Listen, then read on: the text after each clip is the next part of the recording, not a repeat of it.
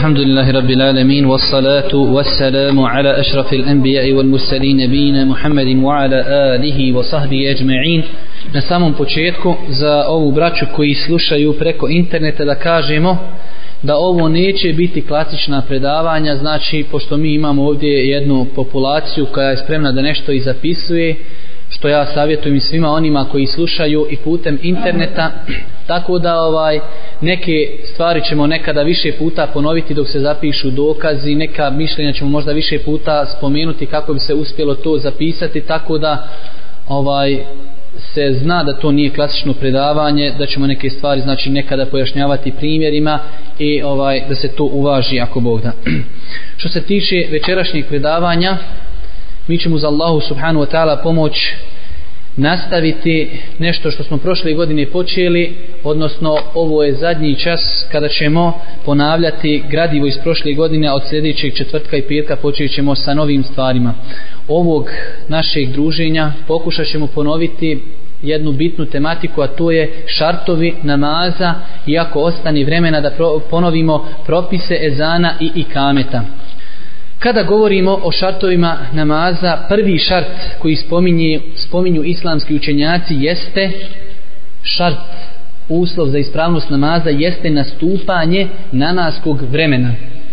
Dokaz za to, kao što smo jučer spomenuli, iako jučerašnji ders nije spomenuo ovaj prenošen putem interneta, islamski učenjaci svaki put kada govori o nekom dodatnom ibadetu, nekom novom poglavlju, na samom početku uvijek spominju dokaz za propisanost tog ibadeta ili te dotične stvari, kako bi se razlučilo i kako bi se da kažemo odvojilo ono što nije od islama i ono što je jest od islama dokaz znači da je nastupanje namaskog vremena jedan od šartova i uslova namaza jeste riječ Allah subhanahu wa ta'ala u suri An-Nisa 105. ajet inna salate kanet ala mu'minine kitaben meukuta zaista je namaz vremenski određena obaveza Na osnovu toga, po konsenzusu islamskih učenjaka, nije ispravan namaz koji se klanja prije nastupanja namaskog vremena. Ovo djeluje nama svima poznato, ali moram spomenuti jedne prilike kada sam išao iz Meke u Medinu, zateko sam velik broj hađija, bila je znači noć, ljudi žele da klanjaju saba, a još nije nastupilo namasko vrijeme, pa sam s njima razgovarao i kažu mi želimo da spojimo namaz saba sa vitrama. Vidite, braćo moja draga, neke stvari koje su, ovaj, kako se zove, mi mislimo da su nama poznate, a ljudi koji su išli na hađ, idu na umru, ne znaju da se ne može klanjati namaz prije namazskog vremena. Po konsenzusu islamskih učenjaka nije ispravan namaz koji se klanja prije namazskog vremena. S tim što se tu gleda, znači na osobu koja je klanjala prije namazskog vremena, možemo kazati da je to uradila namjerno. Ako čovjek to uradi namjerno, on je griješan i njegov namaz nije ispravan. Mora, pošto ide preko interneta, ne smijemo se ubaciti. Sačekaj. E, Dok čovjek, znači, ako klanja to nenamjerno, namaz njegov će biti na fila, ali u svakom slučaju obavezno ponavljanje namaza. Znači, namaz se mora ponoviti, namaz obavljen prije namaskog vremena je neispravan.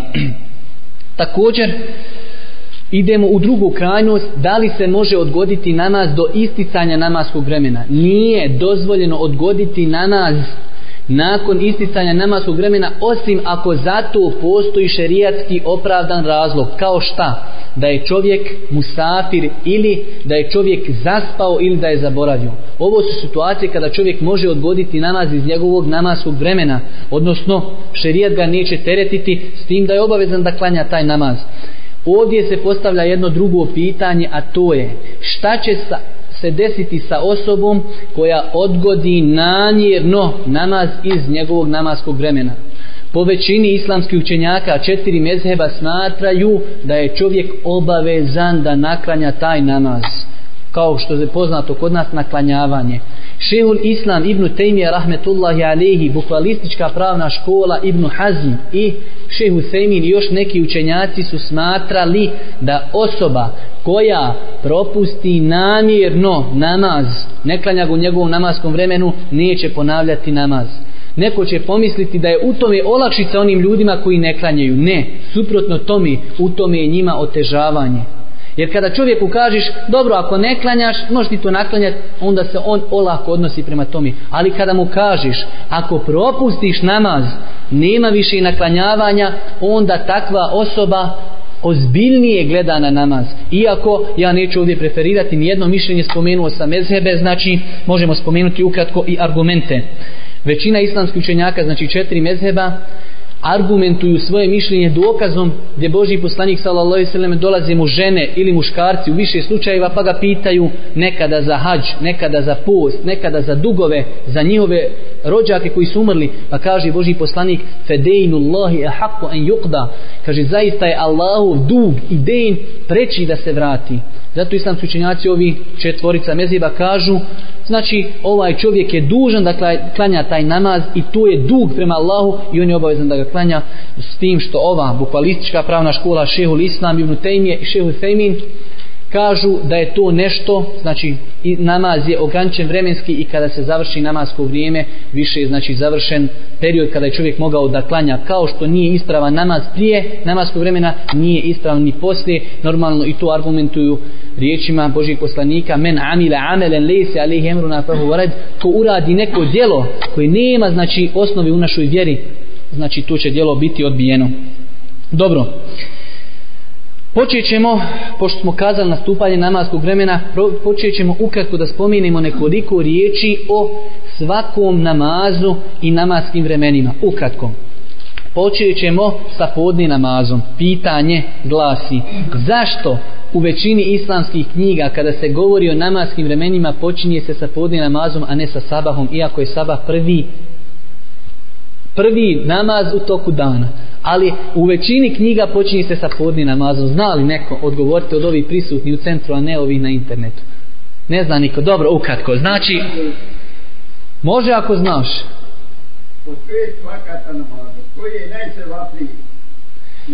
Ne može pitanje, sad mora se odgovori meni davati. Drugi post... Ja mislim da je samo da se rađa dan, rađa se sunce, rađa se sve da je Dobro. Dobro. U redu. Zašto islamski učenjaci počinju sa podni namazom? Iz razloga poštujući hadise Božih poslanika. Imate hadis da je Džibril alihi salatu wasalam došao Božijem poslaniku dva dana. Prvi dan mu je dolazio i klanjali su namaz uvijek u početku namaskog vremena pa su klanjali pet vakata.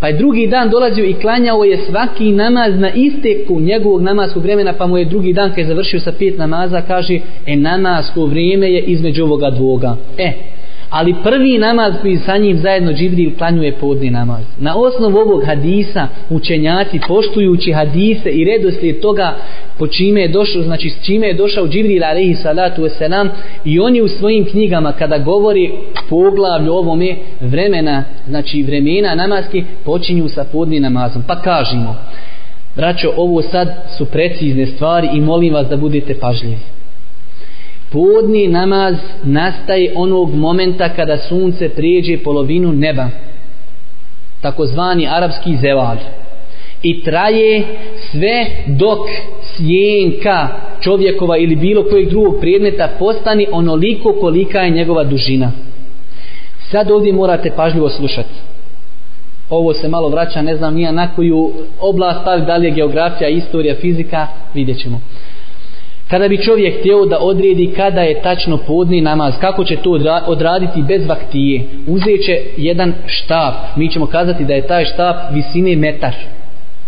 Zabit će ga u zemlju ravno i čekat će, znači, pošto sunce znači izlazi, štap ima svoju, znači, sjenku koja je duga, i ta se sjenka kako se sunce pod, znači podiže na srednju neba ona se smanjuje onog momenta kada se sjenka prestani smanjivati kad stani tada je podni kada počne ona rasti to je podni e ne može više ništa ne može sačekaj znači braćo može se desiti taj štab koji je znači visine metra kada se desi taj prelazak sunca na polovinu neba da tu bude sjenke 20 cenata, zato što sunce nije direktno udaralo štab ozgor i ti 20 cenata mora se dodati na sjenku koju želimo kada budemo htjeli mjeriti i kindiju.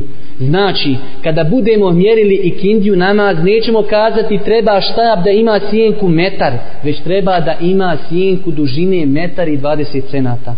Jel svima jasno šta sam pričao? Onima koji nije sutra nek dođu praktično. Ponavljamo još jednom za one koji nisu shvatili. Sunce kada bude na polovini neba, ako ne udara štab koji smo zabili u zemlju direktno ozgor, a dosta puta ne udara, tada štab ima svoju sjenku, znači možda 20-30 cenata primjera radi. Ali je sjenka prestala da se, znači, smanjuje. Onog momenta kada sjenka počne da se povećava, nastupno je namasko vrijeme. E, a mi kažemo, podni namaz, njegovo vrijeme završaj onog momenta kada svaka stvar njena sinka postani onolika kolika je veličina te stvari u redu. Ali mora se iz toga izbjeći ona sjenka koja je bila prisutna na početku 12 sati, ako ćemo reći u 12 na polovini. Znači, ako imamo štab koji je metar visine, a imali smo sjenke na podne kada se desilo, znači, prelazak sunca na polovini neba, imali smo sjenke 20 senata. I Kindija će biti kada? Biće kada sunce, znači kada bude ovaj hlad tog štapa metar i 20 senata. Mislim da je zaista trebalo bi biti jasno onima kojima nije jasno, nek dođu sutra ponove. Dobro, ovdje postavljamo jedno pitanje, obrađivat ćemo svako namasko vrijeme tako kada je najbolje klanjati dotični namaze u ovom slučaju konkretno govorimo o podni namazu kada je najbolje klanjati podni namaz najbolje je klanjati podni namaz u prvom namaskom vremenu zašto?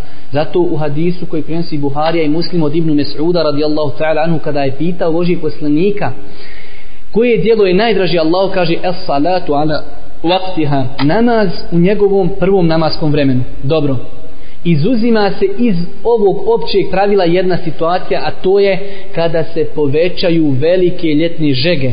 Tada je, vrućine znači, tada je od sunneta da se odgodi klanjanje podne na naza.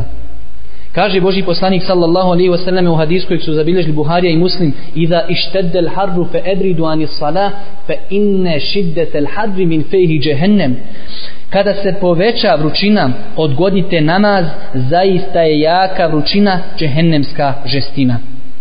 Vidimo ovaj hadis, braćo moja draga, da je opće karaktera. A šta to znači? Obuhvata i žene koji su kod kući. Znači u jakim ljetnim vrućinama i ženama koje klanjaju kod kuće ne dolazi u džamiju od sunneta je da odgodi namaz podni i da ga klanjaju pred ikindiju. Također osobe koje nisu obavezne doći u džemat ljudi pojedinci kod kuće i nji i oni potpadaju pod ovaj hadis zato što je opće karaktera znači i oni od sunneta im je da odgode podni namaz do pred ikindiju. Dobro.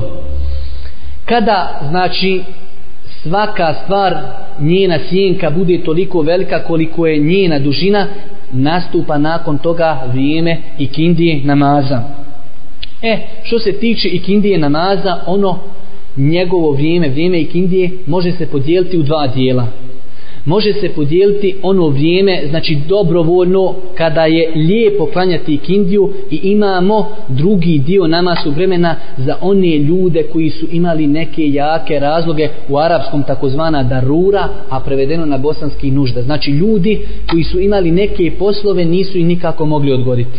Što se tiče ovog prvog vremena, do kada ono traje, ono traje do onog momenta kada sunce požuti, znači kada sunce već gubi svoju znači jačinu i postalo je žute jeste do žuto do tog momenta traje vrijeme znači kada je ovi ljudi da kažemo koji nemaju neki problema nemaju nekakvi obaveza do tada mogu uklanjati kindju namaz a oni ljudi koji su imali neki strogi obaveza nisu i mogli odgoditi njima je dozvoljeno znači da klanjaju i kindiju nama sve do zalaska sunca kaže Boži poslanik sallallahu alaihi wasallame ko stigne da klanja jedan rekiat prije zalaska sunca stigao je klanjati ikindiju namaz na osnovu ovog hadisa vidimo da je ikindijsko vrijeme proteže se sve do zalaska sunca ali u hadisu Džibrila ćemo naći da je Džibril prvi dan klanjao kada je sjenka svakog prijedneta bila kolika je njegova dužina a drugi dan je došao onog momenta kad je sjenka bila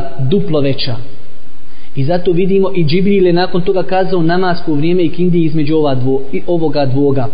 Ali, znači, Boži poslanik nam je produžio ovim hadisem i pojasnio da ipak vrijeme i kindije za one ljude koji imaju znači neke obaveze da traje do samog akšama do znači dovoljno toliko da uspiješ da klanjaš samo jedan rekiat i ako uspiješ da klanjaš jedan rekiat prije zalaska sunca ti si uspio da klanjaš ikindiju, normalno nastavit ćeš klanjati ostala tri rekiata. Također za ikindiju namaz, da kažemo kada je znači, najbolje klanjati, najbolje klanjati ikindiju namaz u njenom prvom vremenu zbog općenitosti hadisa koji smo malo prije spomenuli. Dobro, nakon toga nastupa akšan namaz.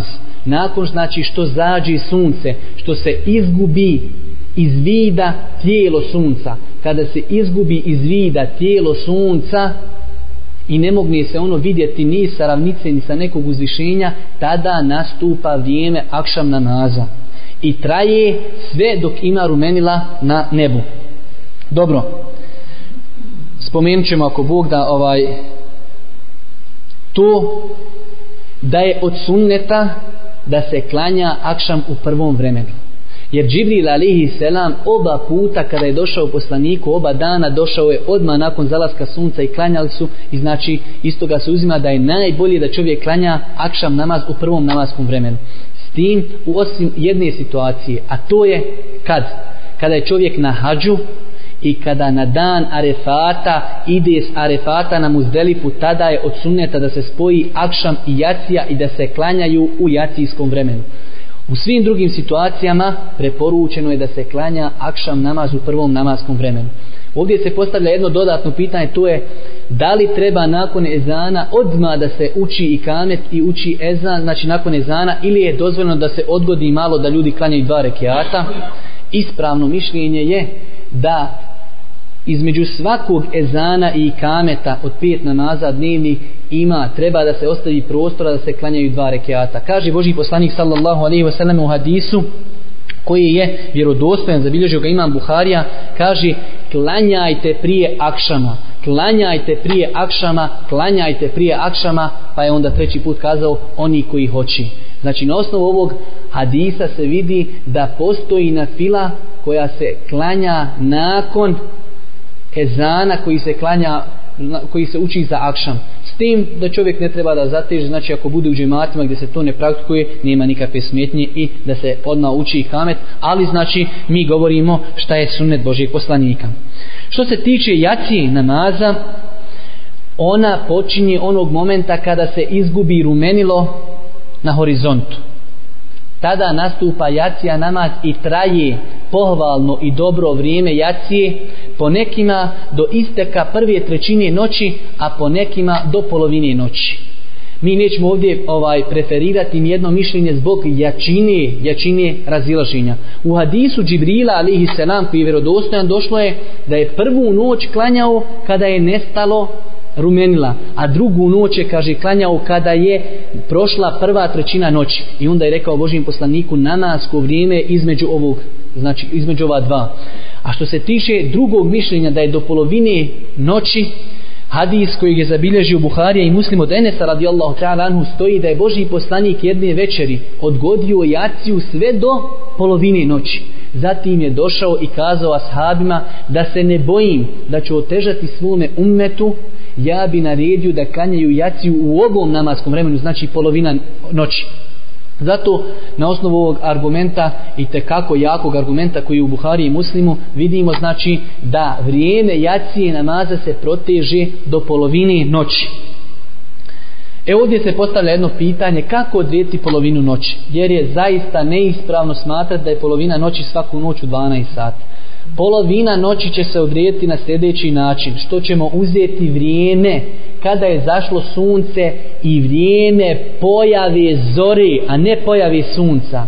Znači uzet ćemo primjera, ako noća zalazi sunce u 4 sata, a nastupa namasko vrijeme u četiri, uzet ćemo znači sredinu između toga dvoga i to je pola noći, a ne kada izlazi sunce, tako je to pojasnio šehi Husemin, rahmetullahi alehi.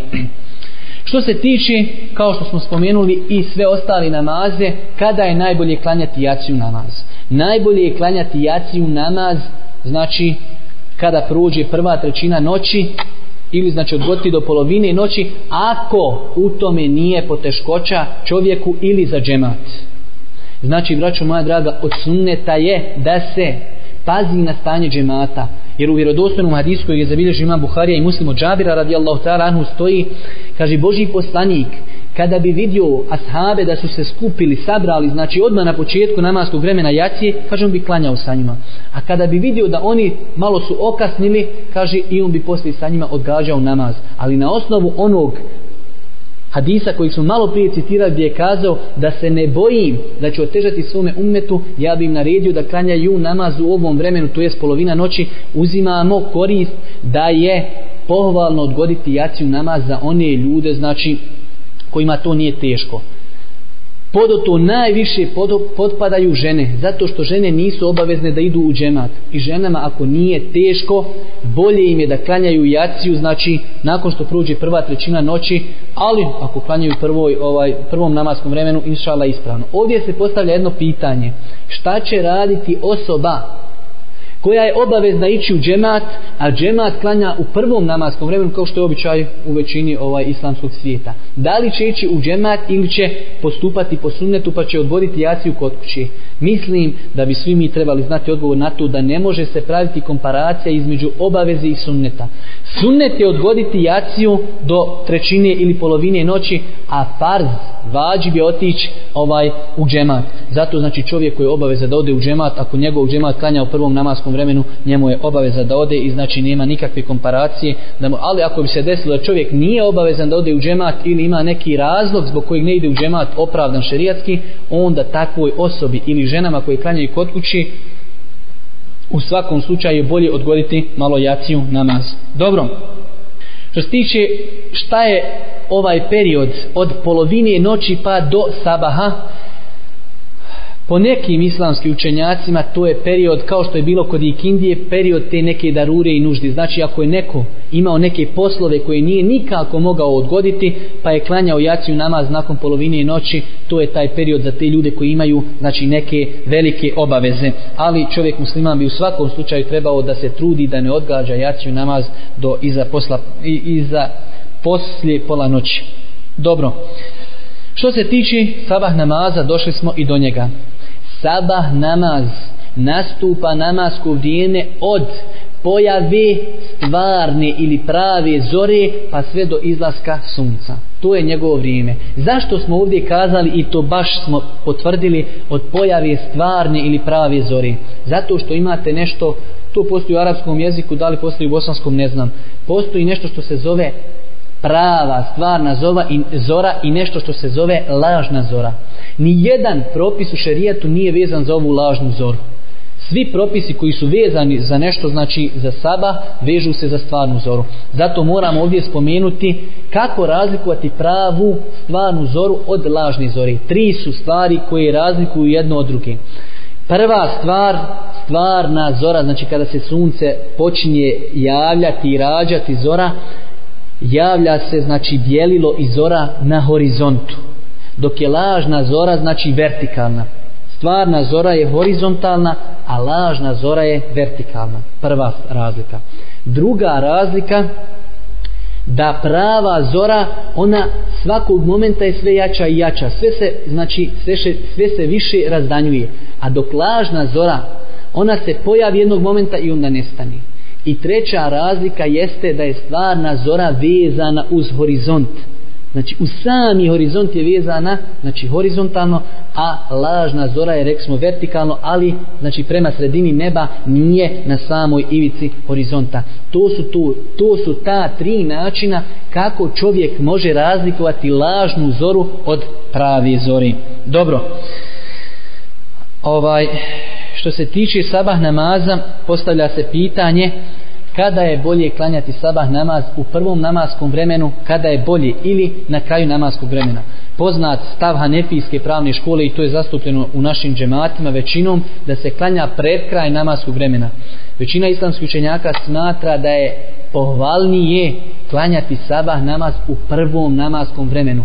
Jer postoje tamo hadisi u Buhari i Muslimu gdje stoji kaže žene bi klanjale sa Božim poslanikom pa bi odlazile kući a niko nije mogao prepoznati znači koja je žena dolazila na sabah kaže minel vales na kraju hadisa je došlo kaj zbog tami u kojoj su oni klanjali ovdje se iz ovog hadisa uzma jedan propis da je sunnet da se klanja na početku namaskog vremena još dok je znači jaka tama iako znači treba da spomenimo da ovaj i ovo što se praktikuje našim prostorima je zasigurno ispravno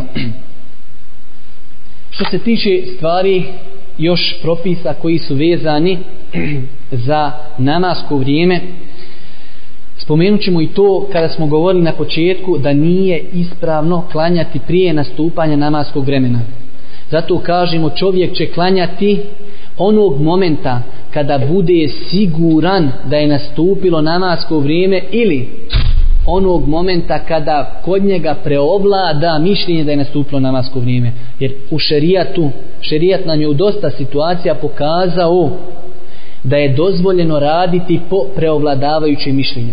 Poznat hadis kada je Boži poslanik sallallahu alaihi ve selleme omrsio, pa je se desilo da je se razišli oblaci pa su oni ugledali sunce. Ovdje zasigurno se vidi da je poslanik sallallahu alaihi ve selleme radio po u ovaj nekom preovladavajućem mišljenju, a ne po ubjeđenju, ali u šerijatu je znači to dozvoljeno. Čovjek znači hoće da klanja podni namaz i kažeš mu jesi li siguran da je nesubla? Kaj nisam siguran, ali znam u 11 sati sam bio kod kući dok sam došao do ovdje tamo vamo, znam da je prošlo toliko sat, trebalo je nastup, znači da kažemo 95% on je uvijek, ali ne smije kazati 100%. U takvoj situaciji, znači, dozvoljeno je čovjeku da klanja namaz. Također, ako čovjeka obavijesti neko koji je kod njega povjerljiv, dozvoljeno ti je da klanjaš na osnovu njegovog mišljenja. Ako upitaš čovjeka koji je povjerljiv i kažeš mu, je li nastupilo namasko vrijeme, jesi li čuo Ezan, kaže jest, učio Ezan, nastupilo je, evo sad, znači dozvoljeno je čovjeku raditi, potom je također. Što se tiče stvari sljedeće koja je vezanja isto za namasko vrijeme jeste naklanjavanje namaza. Znači ako čovjek desi se da prespava neki namaz ili ga zaboravi ili iz nekog opravdanog razloga ovaj izostavi namaz, kakav je propis naklanjavanja? Što se tiče znači naklanjavanja, ono je obavezno ovo znači naklanjavanje ovo govorimo sada o naklanjavanju koje je ostavljeno znači iz opravdanih razloga shodno riječima Božih poslanika sallallahu alaihi wasallam u hadisu koji je zabilježio Buharija i Muslim kada neko od vas prespava namaz ili ga zaboravi, neka ga klanja onog momenta kada se sjeti. Vidimo da Boži poslanik naređuje da se klanja i to bez odlaganja. Neka, se, neka ga klanja onog momenta kada se sjeti i nema, kaže, njemu nikakvog drugog iskupa. Ne treba, znači, nikakav drugi iskup. To su riječi Božih poslanika. Dovoljno je da to klanja. Dobro, kada je u pitanju naklanjavanje, Također treba spomenuti jednu stvar, a to je da je obavezno da čovjek pazi na redoslijed na naza koji je prepustio, propustio. Obavezno, osim u nekoliko situacija. Prvo, da spomenemo dokaz da je obavezno voditi evidencije o redoslijedu naklanjavanja. Hadis u Buhari i Muslimu, gdje je Boži poslanik sallallahu alaihi wasallam na dan bitke na Hendeku propustio je ikindiju namaz. Zato što je bila bitka u toku pa je došao Omer pa ga je napomenuo pa je Boži poslanik nakon Akšama otišao da klanja nakon što je nastupilo Akšamsko vrijeme otišao je da klanja pa je kaže prvo klanjao Ikindiju pa je klanjao Akšam na osnovu ovog argumenta islamski učenjaci uzimaju dokaz da je obavezno da čovjek naklanjava namaze propuštene po njovom redoslidu osim u dva slučaja. Prvi slučaj je da čovjek naklanja namaze i kada ih naklanja, sjeti se da ih nije naklanjao po redu Na primjer, trebao je prvo klanjati podne, pa i kindiju, pa akšan, pa jaciju, pa sabah, a on počne od sabaha, znači. Tom čovjeku koji je završio sa tim, kažemo, inšala ispravno se postupio. I druga situacija, ako se čovjek zbog naklanjavanja boji da će proći namaz u vrijeme onog namaza koji je trenutno.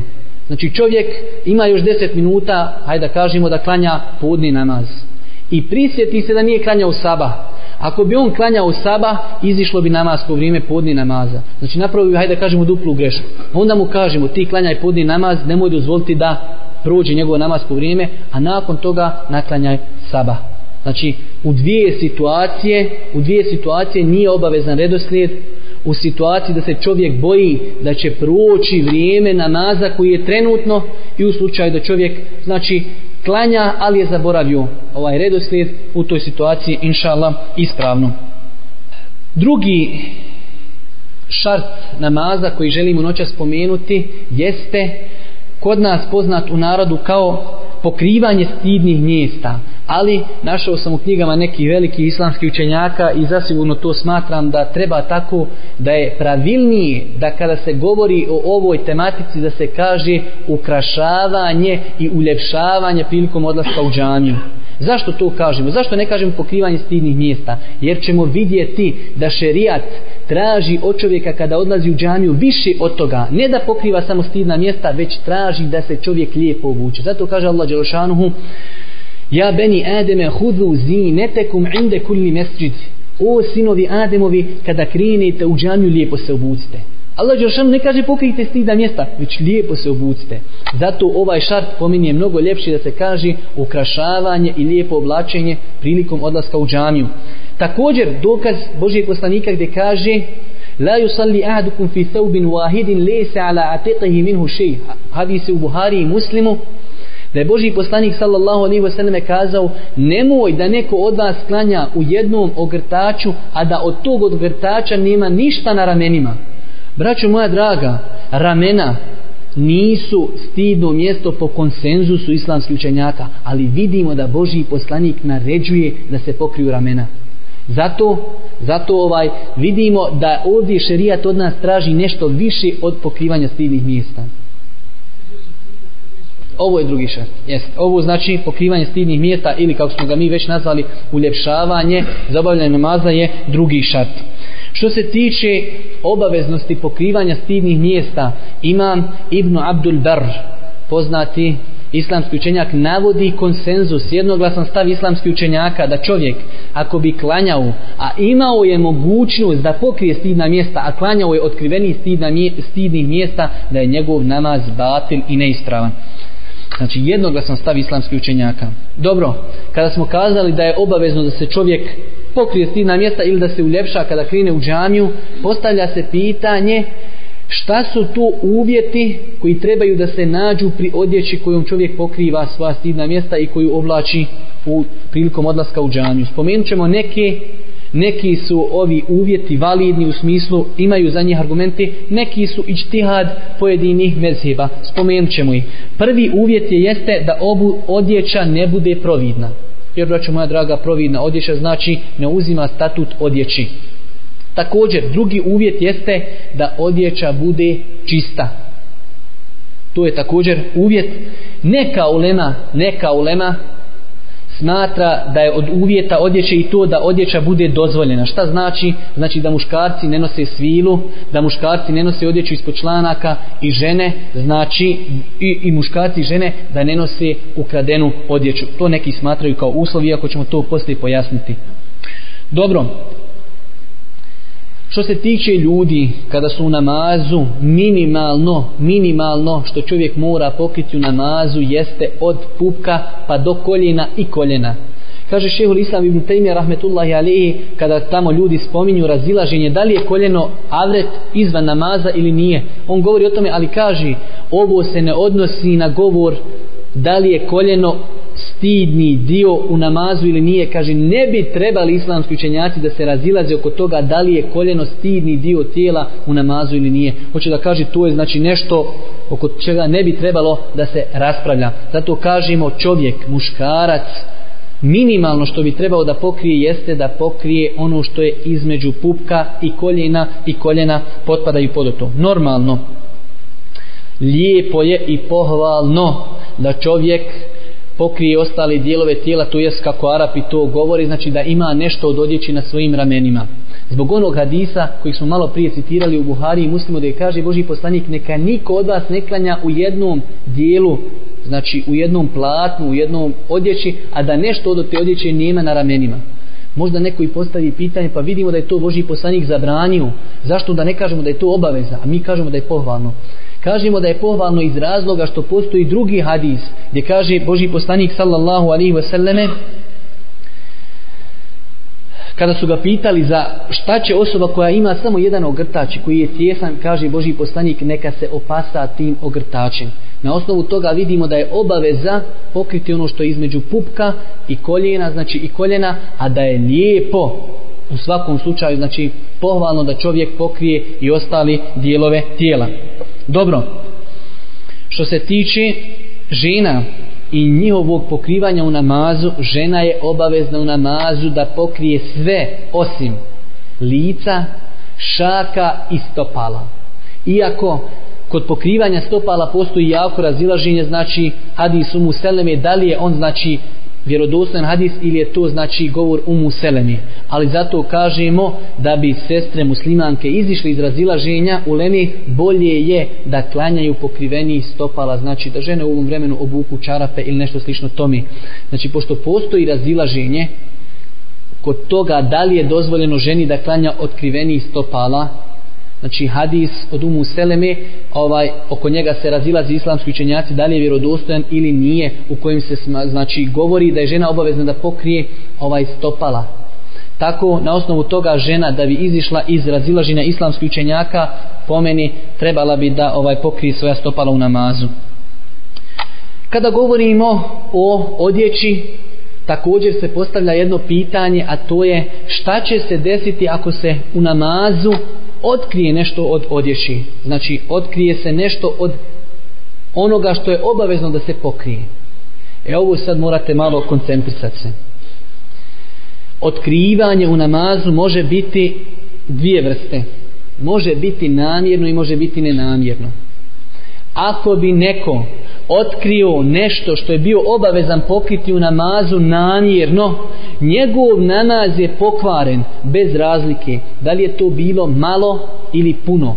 U smislu malo, mal dio tijela da je se otkrio ili velik dio tijela i bez razlike da li je to trajalo vremenski kratko ili je trajalo dugo.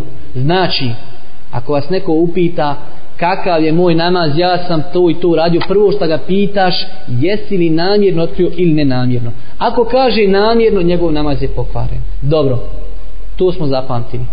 Sada nam dolazi situacija kada čovjek kaže nenamjerno mi se otkrio neki dio tijela koji sam morao pokriti. Prije nego što vam to pojasnimo, trebate shvatiti razliku. Četiri pojma.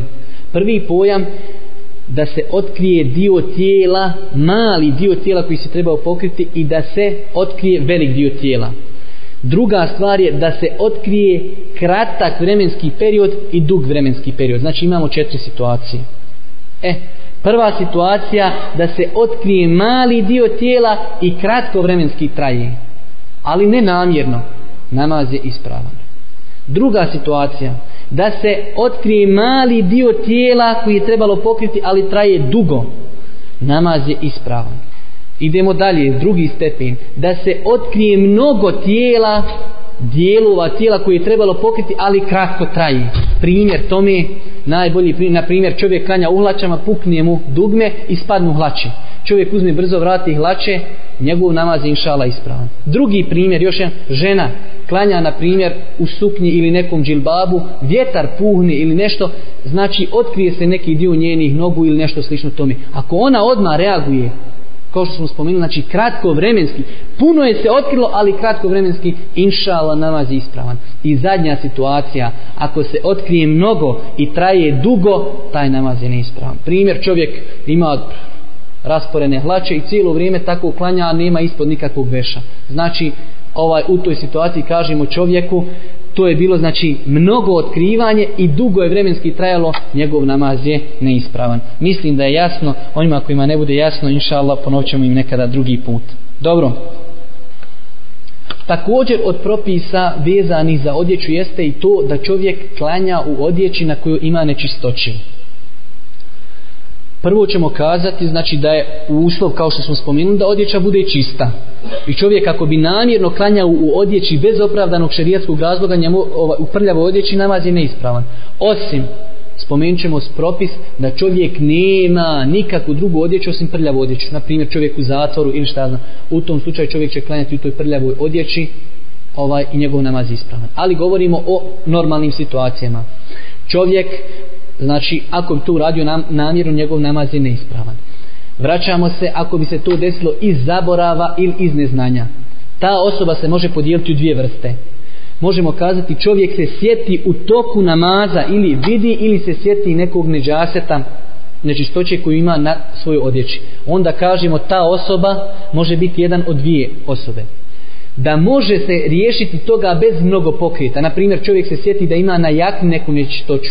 Skineš lijepo jaknu, ostaviš i za sebi i nastaviš klanjati. Ali ako bi se čovjek sjetio da ima nečistoću na potkušuli, onda tom čovjeku kažemo, prekini svoj namaz, od strani neđaset i onda ponovo započni namaz.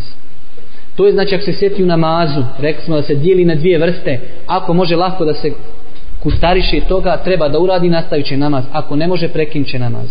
Druga situacija da se sjeti nakon namaza.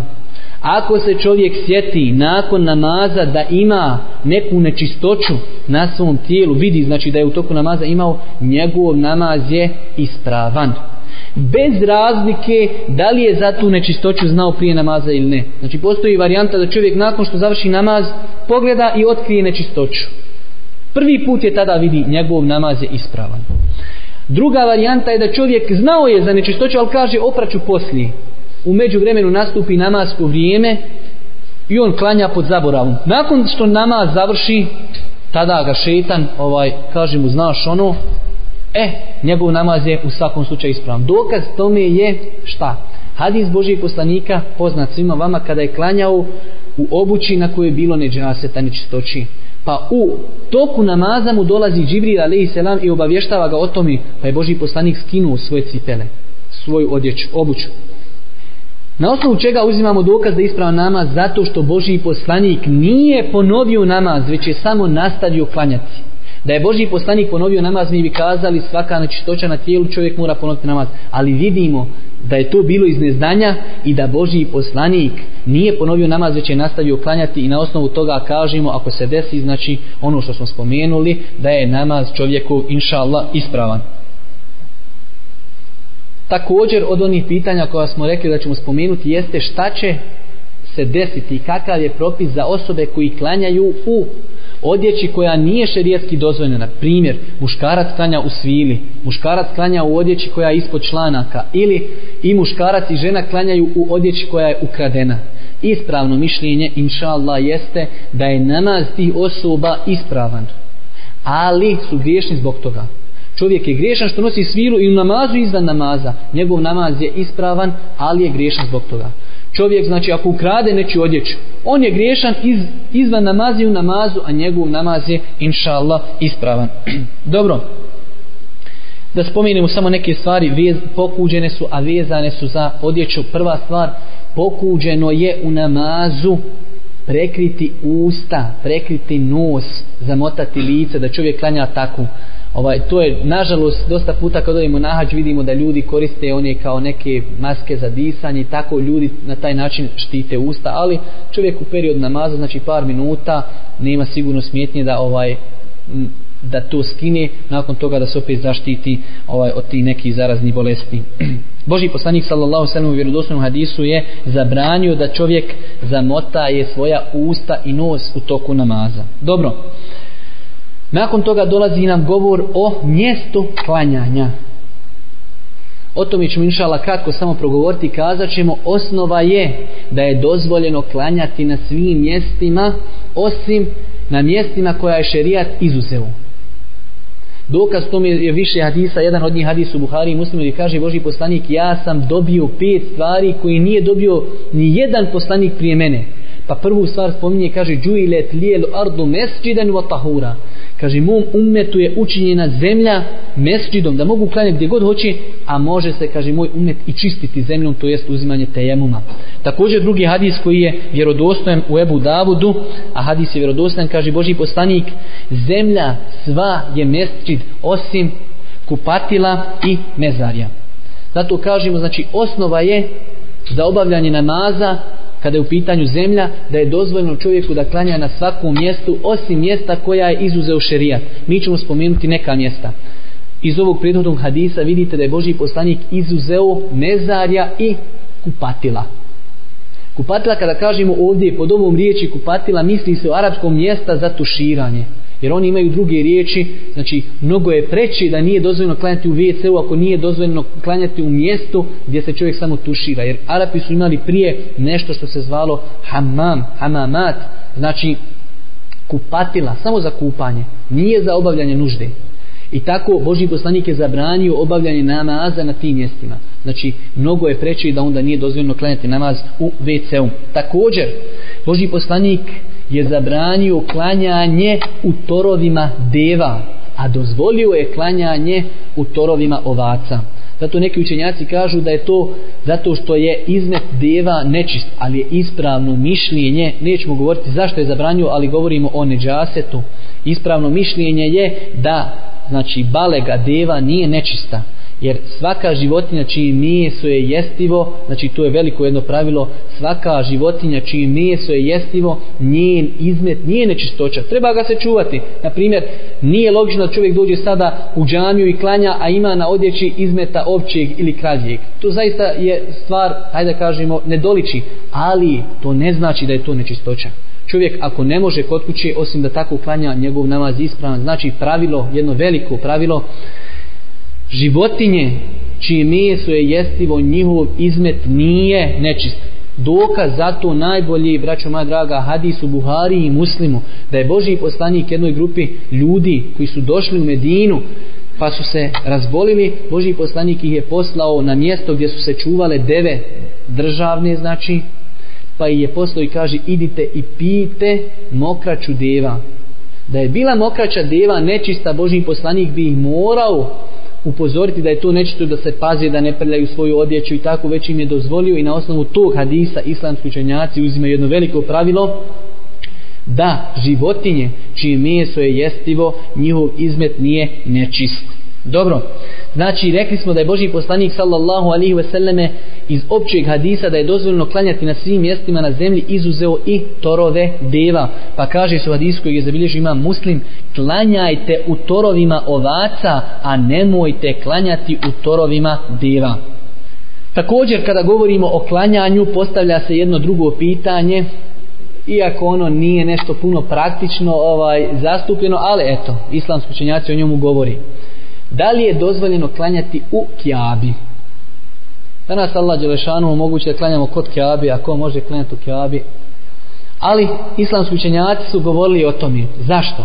zato što imate hadis u Buhari i muslimu da Boži poslanik je klanjao u kjabi na filu I onda učenjaci ne razilaze da li se može klanjati na fila, zato što postoji validan argument. Ali se razilaze da li se može klanjati farz ispravno mišljenje da može zato Boži poslanik je klanjao na filu a na fila i farz to je opet jedno veliko pravilo nemaju nikakve razlike osim u stvarima koje dođe poseban hadis i pojasni kao što je na primjer dozvoljeno kao što ćemo spomenuti dozvoljeno čovjeku da klanja na putu na filu kada putuje da se ne okreće prema kibli zato što kaže ashab jedan kaže Boži poslanik je klanjao na devi sve a? kaže osim farze znači ako želimo da neku stvar odvojimo farz i na filu moramo imati argumentat mi imamo argumentat da je Boži poslanik klanjao u kiabi na filu na osnovu tog argumenta mi kažemo dozvoljeno klanjati i farz zato što nema argumenta koji ukazuje da je zabranjeno mislim da je to trebalo da bude inšala jasno Dolazimo do sljedećeg inšala i zadnjeg ovog našeg šarta jeste okretanje prema kibli.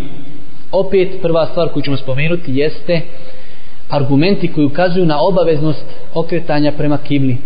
Poznati vama svima hadis u Buhari i Muslimu kada je Boži poslanik vidio onoga čovjeka koji je brzo klanjao, pa mu kaže irđa fe salli fe inne kelem tu salli vrati se i klanjaj ti nisi klanjao pa je se vratio jednom pa drugi put pa onda kaže čovjek o Boži poslaniče ja ne znam drugčije, poduči me pa mu kaže Boži poslanik sallallahu alihi wasallame kada kreniš da obaviš namaz uzmi abdest zatim se okreni prema kibli, a nakon toga donese početni tekbir. I vidimo da mu je Boži poslanik ovdje u narodu, a zatim se okreni prema kibli i donese početni tekbir. Na osnovu ovog hadisa i kuranskih ajeta, islamski učenjaci jednoglasnim stavom smatraju da je od šartova i uslova okretanje prema kibli ili prema kjavi.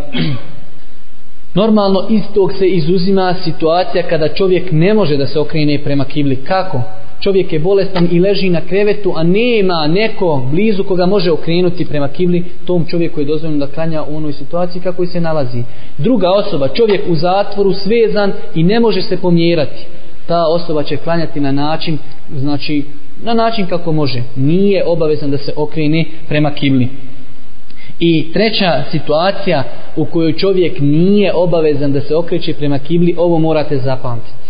Jeste čovjek musafir koji klanja na filu i čovjek koji utokuje znači kretanja. Ako se samo jedan od ova tri uslova ne ispuni, nije mu, je dozvoljeno, nije mu dozvoljeno klanjati znači u nekom drugom pravcu. Ova tri šarta ako se ispune, dozvoljeno je. Znači, prvo da je musafir, safir, da klanja na filu i ovaj bitan šart da se kreće, znači da je čovjek u toku putovanja. Znači kad čovjek putuje i odsjedni negdje u, u hotelu ili znači negdje odmara, takav čovjek koji znači zna gdje je kibla, mora se okrenuti prema kibli. A u ovom slučaju znači ako je putnik, ako klanja na filu i ako je u toku putovanja dozvoljeno mu je da klanja na filu, i da se ne okreće prema kibli. Kao što je došlo u vjerodostojnim hadisima da su ashabi u Buhari i Muslimu da su ashabi opisivali to da je Boži poslanik klanjao na svojoj jahalici na filu kaže u onom pravcu gdje bi išla njegova deva.